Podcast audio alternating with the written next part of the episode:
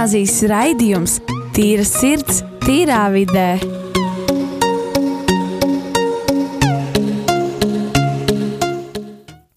Sveicinās, dārgais klausītāji! Šobrīd klausies radio Marija Latvijas raidījumu Tīra sirds, tīrā vidē.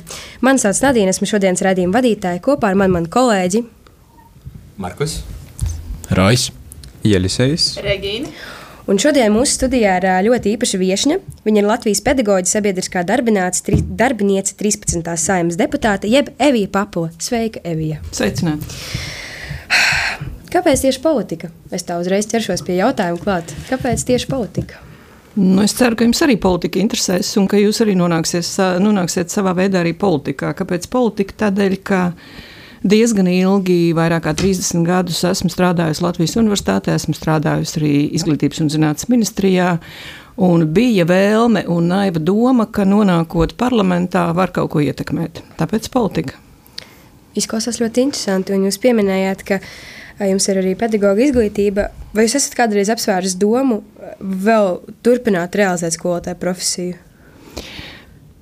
Viss atkarīgs no šā gada oktobra, un iespējams, ka tas būs jādara. Bet tā kā neesmu ļoti ilgi praktizējusi un strādājusi skolā, bet dziļā jaunībā, es domāju, ka tas būtu mazliet noziegums šobrīd atgriezties skolā un bez īpašas sagatavošanās atkal tur nokļūt.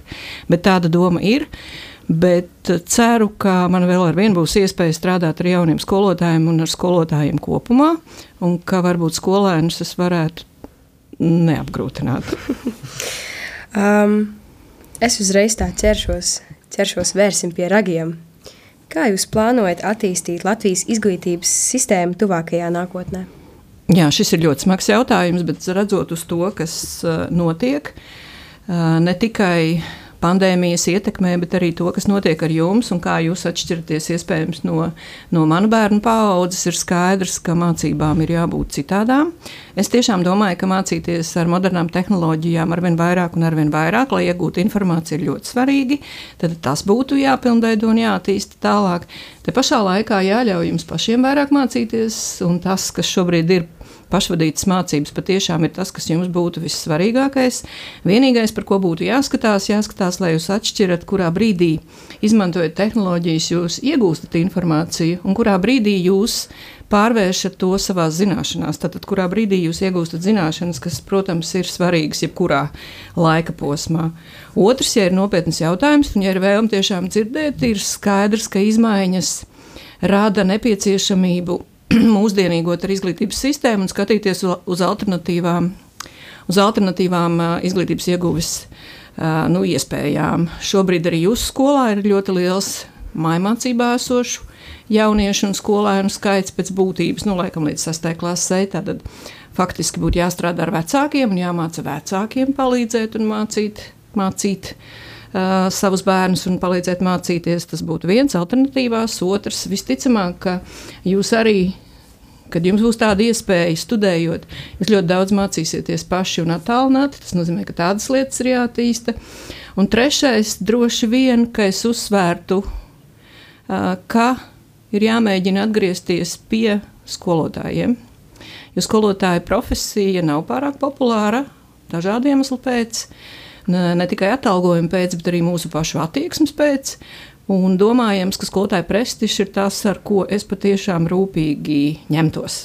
Nu, tas ne, ne gluži par izglītības sistēmu, bet ir skaidrs, ka tās izmaiņas, kuras jūs paši arī skolā nu, ieviešat un nosakāt, nu, tām jābūt ir tā kā normai. Tā pašā laikā uzsvēršu vēlreiz, ka uh, modernās mācības un tas, ka jūs varat informāciju iegūt ļoti ātri, viena klikšķa formātā, nenozīmē, ka jums nav jāveido arī zināšanas, un tā būs jūsu bagātība. Man vēl uh, radās jautājums uh, tieši par šo mācību. Vai jūs, kā izglītība Latvijā, uztverat to pozitīvi, kad ir šī mācība, ka mēs mācāmies mājām, vai tomēr tas ir kaut kādas negatīvas ietekmes un uh, negatīvās ietekmes ir vairāk nekā pozitīvās. Kā jūs vērtējat mācību un ka tā pieaug Latvijā? Jā, pirms kādiem pieciem, sešiem, septiņiem, desmit gadiem droši vien mēs skatītos uz mācību tā kā mazliet negatīvi. Domājot par to, ka tomēr ir socializācija, ir mācīties visiem kopā vai mācīties profesionāli pedagoga, nu tā teikt, vadībā vai, vai vismaz kompānijā. Bet šobrīd ir citi laiki. Un, kā jau minēju, alternatīvas izglītības uh, ieguves iespējas ir tas, par ko es rūpētos arī Latvijā. Un šajā brīdī bērniem, kas mācās mājās, kā jau minēju, veidotu īpašas programmas vecākiem, lai vecākiem palīdzētu mācīt savus bērnus. Nu, teiksim, negluži skolotāja uh, prasībām atbilstoši, bet tomēr palīdzētu ar dažādām vecāku programmām. Es skatos uz alternatīvām mācībām, ne pozitīvi, ne negatīvi, bet, ja tās parādās, tad tās ir jāattīst, jo laiks iet un jauni veidi parādās. Tā kā šajā brīdī netik daudz, vai tas patīk vai nepatīk, bet tas ir un tas ir profesionāli jāattīsta. Um, ziniet, paldies jums pirmkārt par šo brīnišķīgo stāstījumu. Izklausās ļoti aizraujoši un uh, interesanti, bet uh, es veicu nelielu izpēti.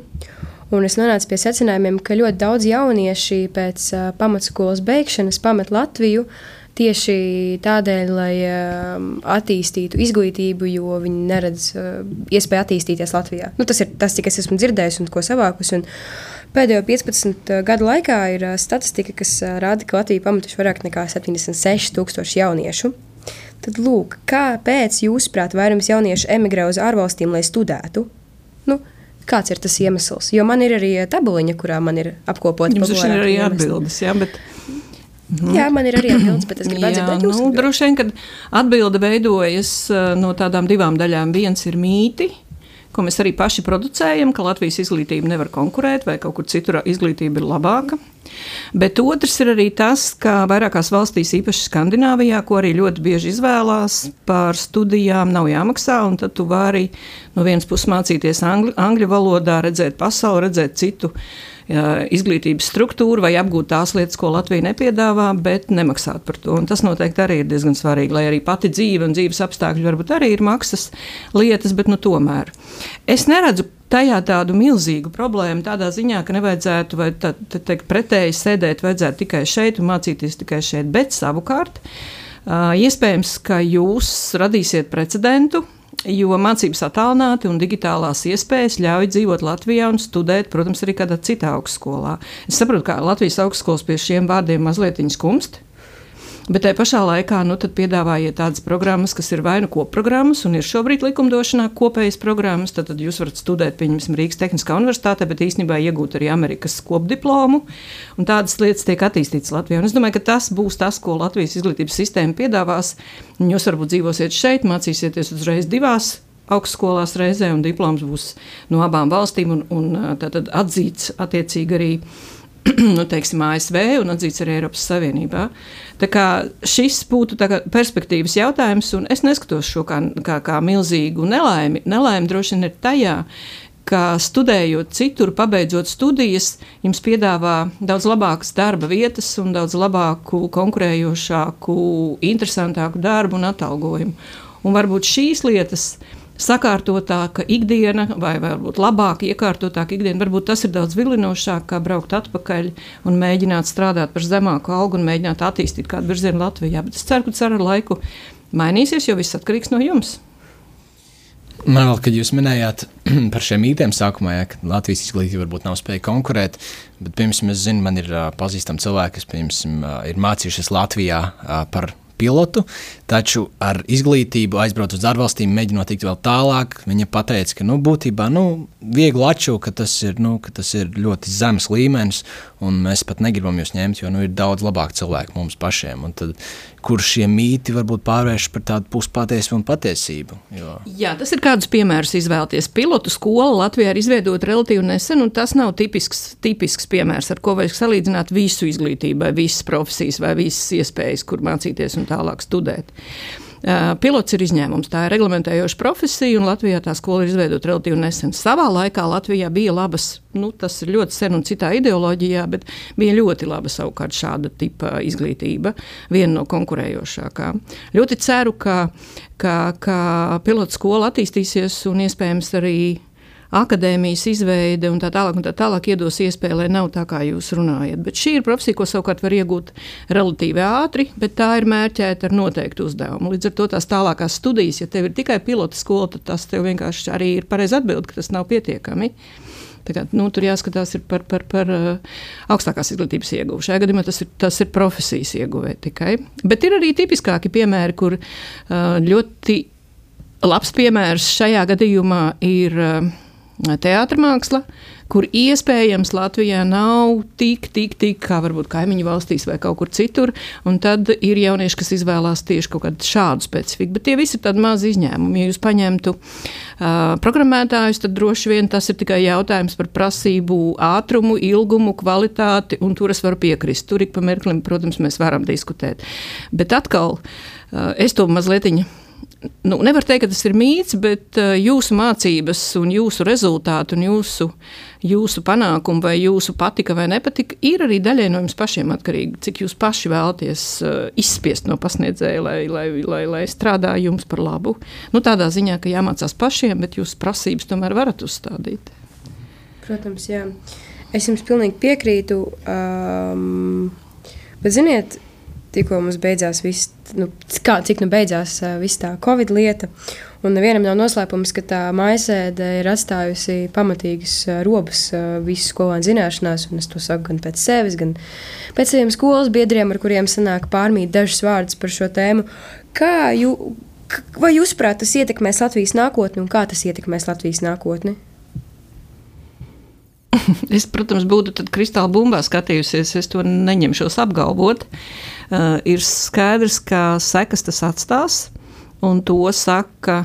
Gan, sakāt, gan jūs paši, gan skolotāji, bet es nedomāju, ka tās ir tādas, nu, tādas sekas, kas maksimāli jūs nograuj jebkuru karjeras iespēju. Jūs vēl turpināsiet mācīties Un arī tie, kas pabeidz 12. klasu, turpinās savu karjeru un mācīties var arī ne tikai, eh, es atvainojos, 20 gados, bet arī 40 gados. Es gribētu būt optimiste un teikt, ka visu jau tāpat jums iemācīt nevar.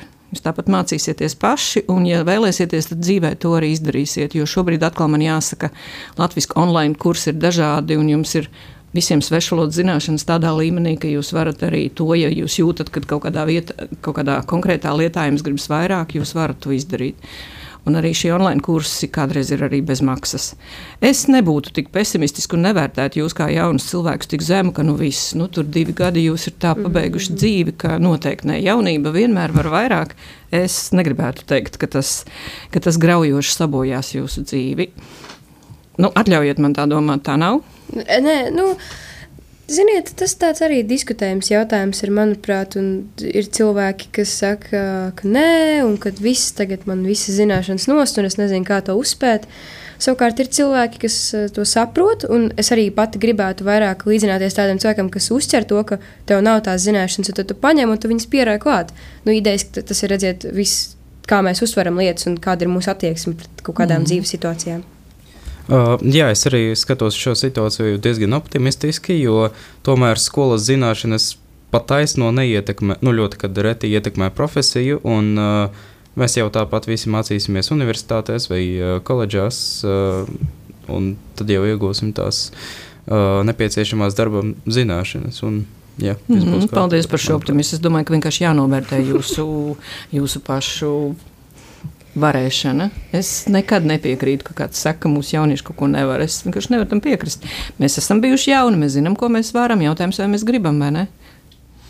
Nu jā, es pilnīgi varu piekrist arī, arī par šo pozitīvumu, ka tas arī, arī ļoti diskutējams jautājums, jo kā kuram taču viena izmaiņa, kas ir veikta, ir mēs diezgan labi, ja tīpaši šī jauniešu paudze, kas tagad uh, tieši mācās un tieši šīs klases, aptuveni no kaut kādas piektās klases jau no līdz 12, ir ļoti sapratušas varbūt vairāk kā mēs labāk darbojamies, vai mēs spējam strādāt vienatnē, vai mēs spējam strādāt attālināti, vai mums ir vajadzīga šī komunikācija, mums ir vajadzīgi šie cilvēki, kas ir apkārt. Jo es zinu ļoti, ka nu, ir viens vai otrs, zina, ka es pats nevaru mājās mācīties, jo tas man ir rīktīgi grauji. Man ir vajadzīgi cilvēki, un es zinu, ka cilvēks, kas ļoti, jā, es eju uz attālinātām mācībām, uz mājmācību, jo tas man palīdz labāk mācīties. Un ar to es domāju, ka šīs izmaiņas ir diezgan svarīgas, bet tās viņas raisīs kaut kādas labas uh, sekas, teiksim, tā viņas raisīs tādas labas uh, sekas, kuras liks mums vairāk saprast un sabalansēt mūsu ikdienu. Jā, mazliet viņa droši vien, ka, kāpēc pieminēja skolotājus, skolotājiem šīs visas izmaiņas arī uh, faktiski pieprasa cita tipa. Nu, teiksim, uzvedību. Skolotāja galvenais uzdevums ir, protams, kaut ko darīt ar zināšanu lietām, bet uh, man jau liekas, ka tas skolotāju, tā skolotāja loma daudz vairāk veidojas par to, kad ir saruna, ir iespējams atbalsts, izpratne lielākā veidā, lai arī jūs motivētu arī tiem, kam varbūt mazāk veicas tajā brīdī vai mazāk spēka. Un tas ir noteikti ļoti, ļoti svarīgi šobrīd skolotājiem saprast, kurā brīdī ne, neraudāt par gramatikas zināšanām, kuras tāpat būs eksāmenā, bet tomēr neraudāt par to, bet daudz vairāk iedot jums tādu iekšēju sapratni un to, ka jūs varat to, ka jūs varat.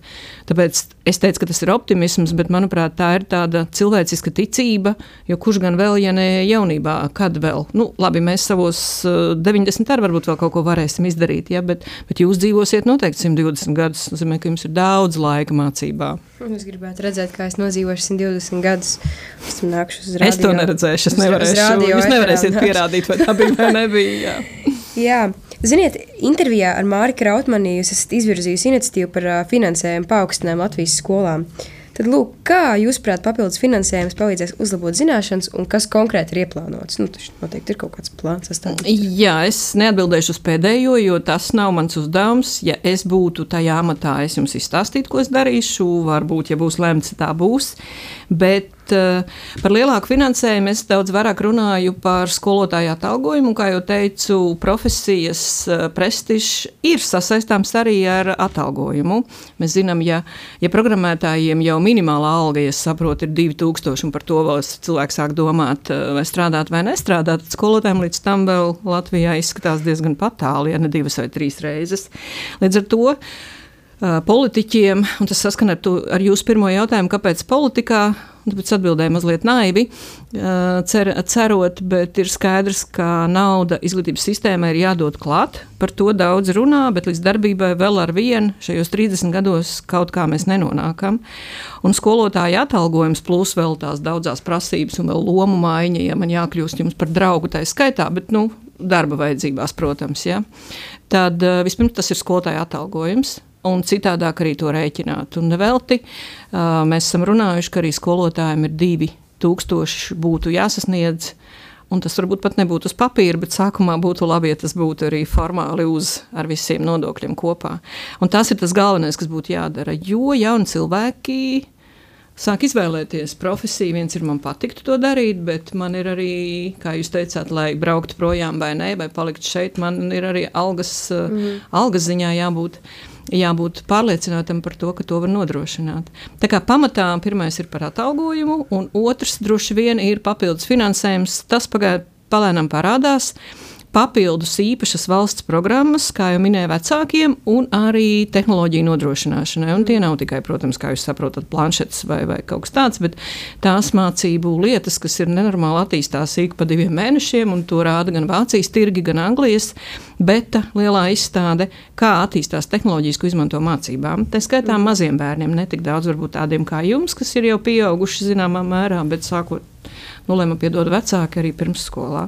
Un tam visam ir nepieciešams papildu finansējums. Latvija šobrīd šo finansējumu šādā formātā nedod. Mm -hmm. Bet, uh, es vienkārši tā klausījos uh, un domāju, ka ļoti daudz, kas, nu, tas ir tikai mans viedoklis, ļoti daudz, kas tieši skolā ir arī atkarīgs no skolotāja attieksmes. Protams, lielākoties tas ir no skolēna attieksmes un kā viņš visu uztver. Un, un kā, kā šo informāciju pēc tam galvā, cik paņem, cik nepaņem. Bet vai tiešām, ja skolotājiem paaugstinās algas, jūsuprāt, Latvijā pēkšņi mistiski būs ļoti augsts izglītības līmenis? Nu, nu, tas, tas, tas vienkārši tāds jautājums, kas man ienāca prātā tikko. Jūs kā, kā, kā, kā rūtīta skeptiķe šajā gadījumā ne personiski, bet šie, šie apgalvojumi ir tik populāri, uh mhm. -huh. ka, ka tādēļ visticamāk arī ir tik ne, ne, neiespējami skolotāja algas palielināt. Jo visi saka, nē, skolotāji nestrādā algas dēļ, paaugstinās, un nav korelācijas starp kvalitāti un atalgojumu. Tā ir taisnība. Protams. Bet tajā pašā laikā, ja, nu kā vēl valsts var parādīt savu attieksmi, uh mhm. -huh. Sakot ar šo, ka šis Jā. darbs ir mums ļoti svarīgs, mēs saprotam, ka mainās arī uzdevumi, lomas vai nu pieaug vai nē, Otra lieta, ko es nepieminēju, kas varbūt nav ar finansējumu saistīts, ir noņemt skolotājiem, īpaši tiem, kas māca konkrētu jomu, nevar jau tā teikt, māca priekšmetu, māca jūsu kon kontekstā, bet nu, tomēr māca kādu noteikti, piemēram, matemātiku noņemt. To visu pārējo, kas ir, nu, skolotājiem ir ļoti, sabiedrība ir izvirzījusi, uzlikusi visu, bet liela mm -hmm. daļa var darīt uh, vecāki un ģimene. Un, ja to visu notīrītu nost, varbūt tad arī atalgojumam vairs nebūtu primārā nozīme. Bet šobrīd viss atbildīgi ir uzlikts skolotājiem, un, un, un tas ir varbūt šobrīd par daudz. Par daudz mm -hmm. Jo mhm. mēs vēlamies, tieši tāpat kā jūs teicāt, lai skolotāji tiešām māca šo īpaši šo pienākumu, laikam neatcels nevienam. Bet nu, neliek jūs tur neliek pārējās lietas darīt. Bet skolotāji to darīs vienmēr, protams. Mm -hmm.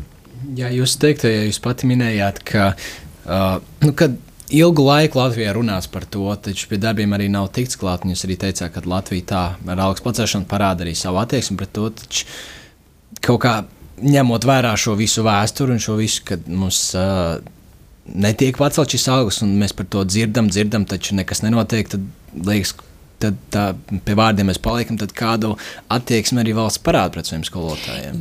Es gribu teikt vienu lietu, ka mums izdevās. Uh, arī man strādājot attiecīgi ministrijā, izdevās izveidot tā teikto, ja par algām runājot, pedagoģa atalgojumu paaugstināšanas grafiku. Mēs esam ik pa kaut kādu noteiktu summu cēluši atalgojumu. Bet, ja jūs paskatāties uz šā brīža vidējo algu un paskatīties uz datiem, kas jums noteikti arī parādās, ja, tad skolotāja alga tam netiek līdzi. Nu, nu, tas vienkārši ir jādara. Nu, katru reizi, ik pa četriem gadiem, ir cerība, Un šobrīd droši vien, skolotāja arotbiedrība to izmantos, ir cerība, ka iespējams, ka uz 1. septembri politiķi, kas vēlas atkal nokļūt vai nu manā tā teikt, naivajā izpratnē parlamentā, vai nokļūt arī kādā no amatiem, kas lemj šo, varbūt arī beidzot to darīs. Esmu ļoti skeptiska, un tomēr, jo mums ir diezgan daudz arī citu izaicinājumu, bet kas var būt svarīgs par cilvēku drošību, un manuprāt, skola un skolotāja darbs ir saistīts ar drošību, kaut vai sajūtu līmenī. Nu, tāpēc es mīnu, ka tas ir tomēr valstī. Uh, vai nu agrāk vai vēlāk, un tomēr jāizdara. Un, godīgi sakot, pēc tikšanās laikā ar uh, kaimiņu valsti, piemēram, ar Igauniem. Nu, viņi barakstīs atkārto, cik ir alga, cik ir alga, cik ir alga. Tas, tas arī rāda, ka, ja nu tu galīgi nevari, tad paskaties arī blakus, kas notiek. Ja? Es ceru, es negribu uzsvērt, ka tas ir galvenais, jums piekrītu, bet kāpēc tas nevar būt pirmais solis? Uz šīs pozitīvās nots mēs ieiesim nelielā mūzikas pauzē. Mūzikas pauzē skanēs uh, Nirvana dziesma Smells Like Teen Spirit.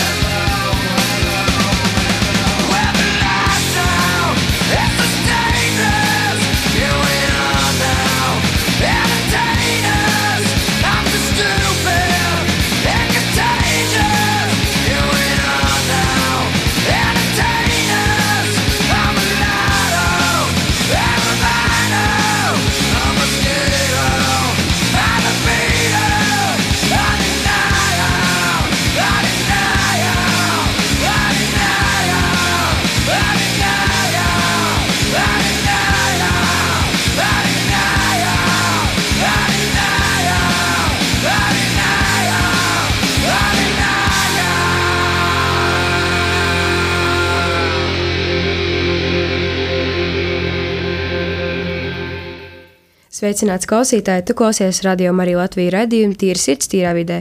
Šodien ir šodien raidījuma vadēs Nadīna, un mēs atgriežamies atpakaļ pie jautājumiem mūsu īpašais viesis Sevī Papule, un mēs ejam tālāk. Tātad, vai skola 2030 pozitīvs, nesīs pozitīvas pārmaiņas Latvijā, un kādas? Mazliet jūtos brīžiem vainīga, uh, jo šīs izmaiņas ir mana darba sekas. Tajā brīdī, kad izveidoja, kad ir nepieciešams mainīt saturu, un bija garas diskusijas ar Eiropas Savienības ierēģiem un tam līdzīgi, jo tas ir nacionāls valsts pienākums savu saturu apgādāt ar kaut ko. Šobrīd izpildījuma ziņā man jāsaka tā, cik jūs paši kā skolēni paņemsiet labo to arī skolotāji visticamāk uh, darīs tālāk. Jo var ļoti daudz kritizēt, un šobrīd ir pārāk daudz kritikas. Pārāk daudz kritikas. Jautājums ir, kas notiek ar jums? Pati vājākā lieta, manuprāt, ir Un to arī skolotāji norāda, ir mācību materiāla pieejamība vai nepieejamība vai sakārtotība. Ja atrisinās to, tad jums būs viss kārtībā. Jūs pirmkārt varēsiet iegūt arī zināšanas tajā brīdī, un arī skolotāji zinās, kā to darīt. Man vēl ir cerība uz skolotāju profesionalitāti.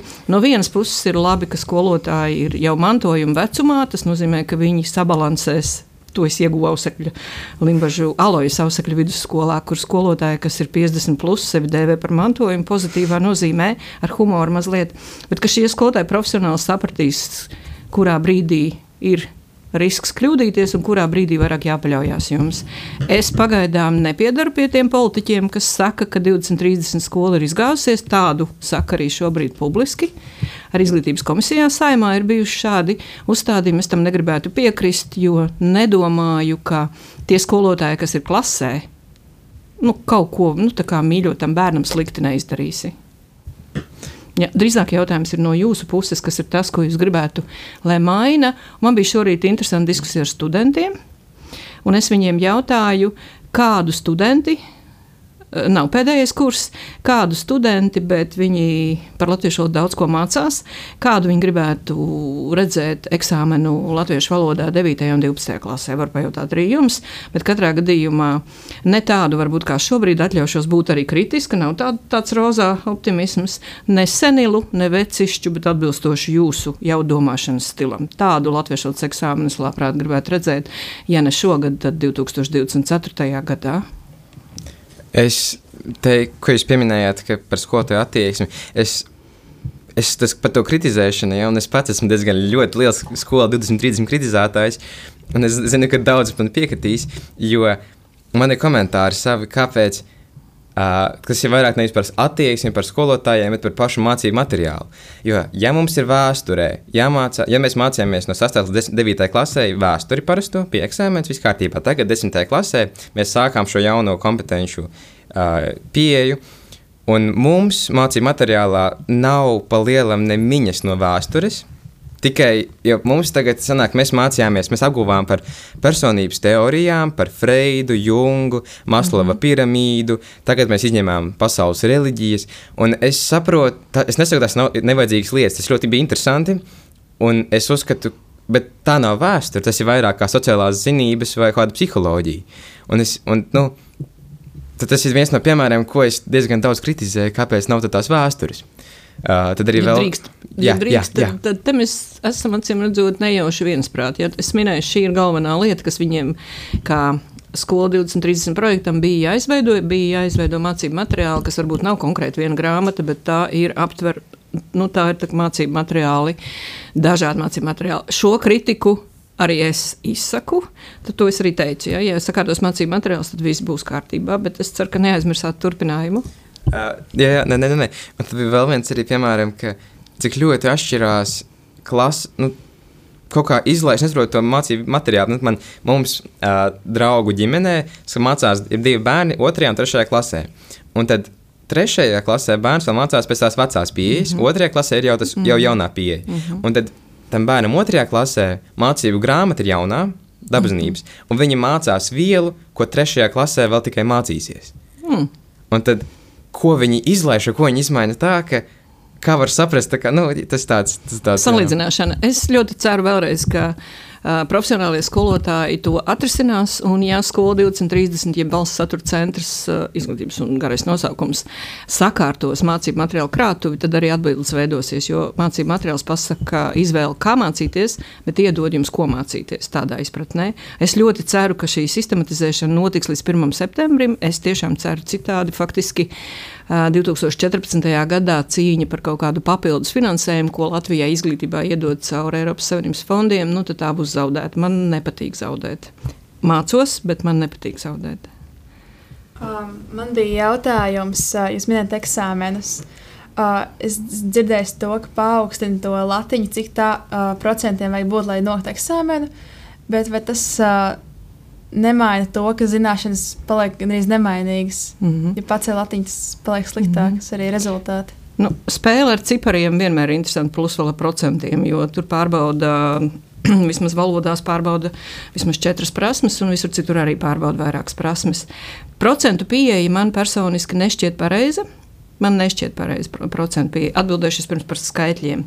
Un, un līdz ar to celt latiņu vai nē, tas ir jautājums par jūsu pašu individuāliem mērķiem. Ja jūs izlemsiet, ka pa 0,5% šogad vairāk un nākamgad un nākamgad, tad rezultāts būs atkarīgs eksāmenā jums no tā, ko jūs paši izvirzīsiet kā mērķi. Valsts, protams, to var izvirzīt.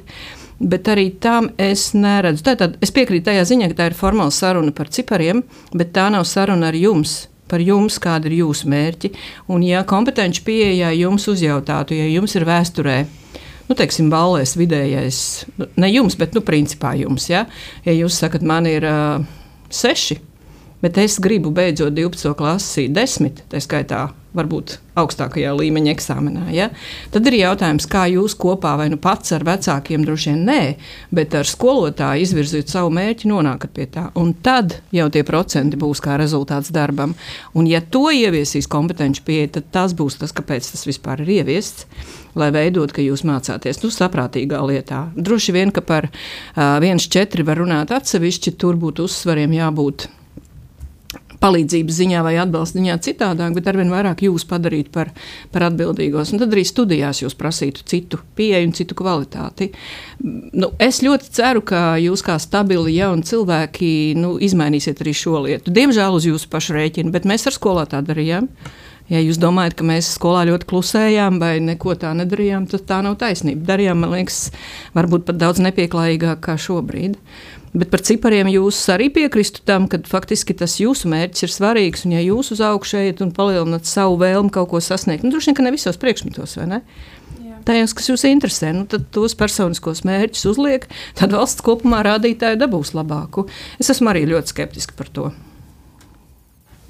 Um, es arī gribēju pateikt par to, ka uh, man šķiet, ka ir nepareizi tā kā vērtēt skolēnu pēc attieksmes pret priekšmetu, bet gan pēc uh, zināšanām uh, ir jāvērtē, manuprāt, jo uh, tā kā caur pārbaudas darbiem un tā, bet uh, ne jau caur mājas darbiem vai kaut kādiem.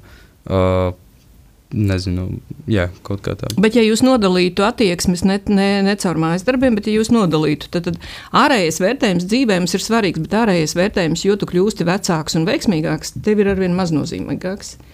Svarīga ir iekšējā motivācija.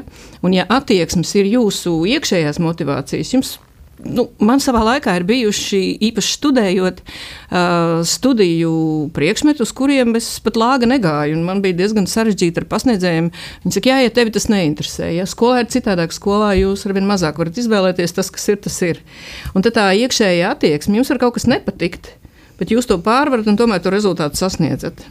Tas vairāk ir caur attieksmēm domāts. Nevis tur patīk, nepatīk, daru, nedaru, bet kā jūs piespiežaties eh, darīt to, kas jums varbūt šajā brīdī vienā ne, ne, nešķiet svarīgs, nešķiet interesants. Jo, ja jums patīk matemātika, to taču jūs mācāties. Tur rezultāts būs, jo jums ir iekšējā motivācija kaut vai caur interesi.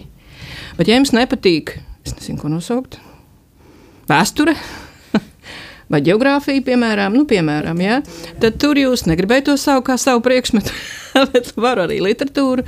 Tad, tad tas prasa no jums lielāku piespiešanos. Un, ja vērtētājs, kas ir šajā brīdī skolotājs, to pamana, jūs esat ieguvējis.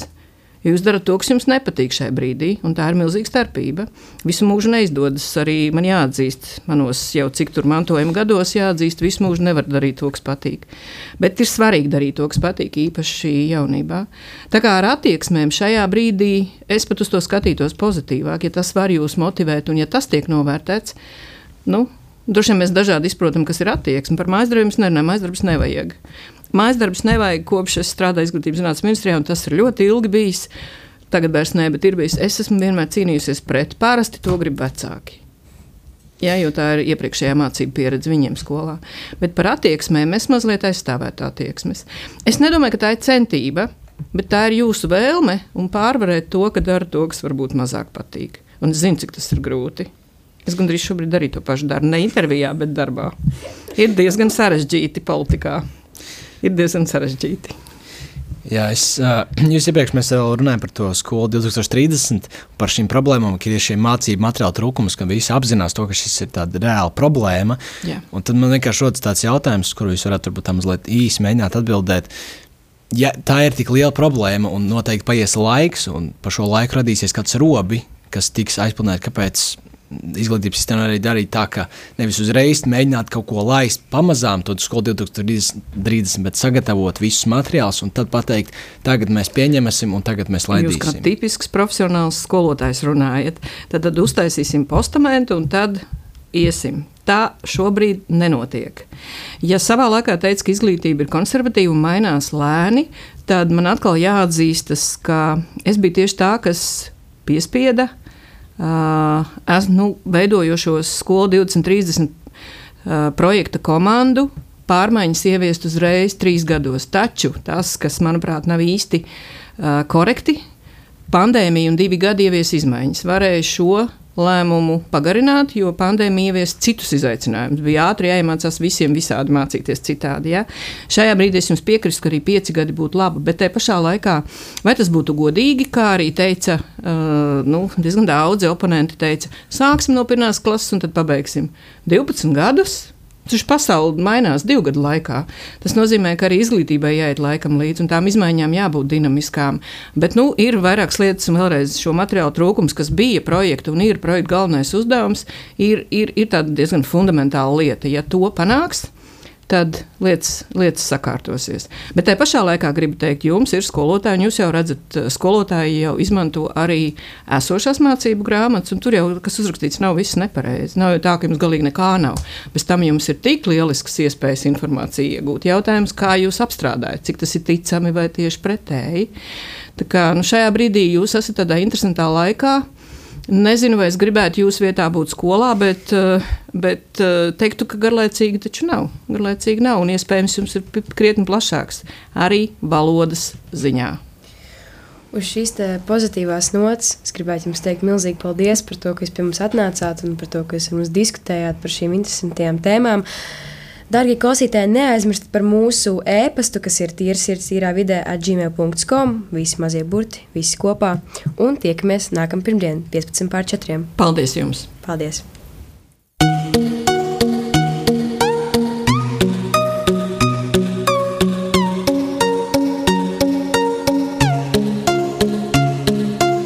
Rīgas katoļu gimnāzijas raidījums Tīra sirds, tīrā vidē.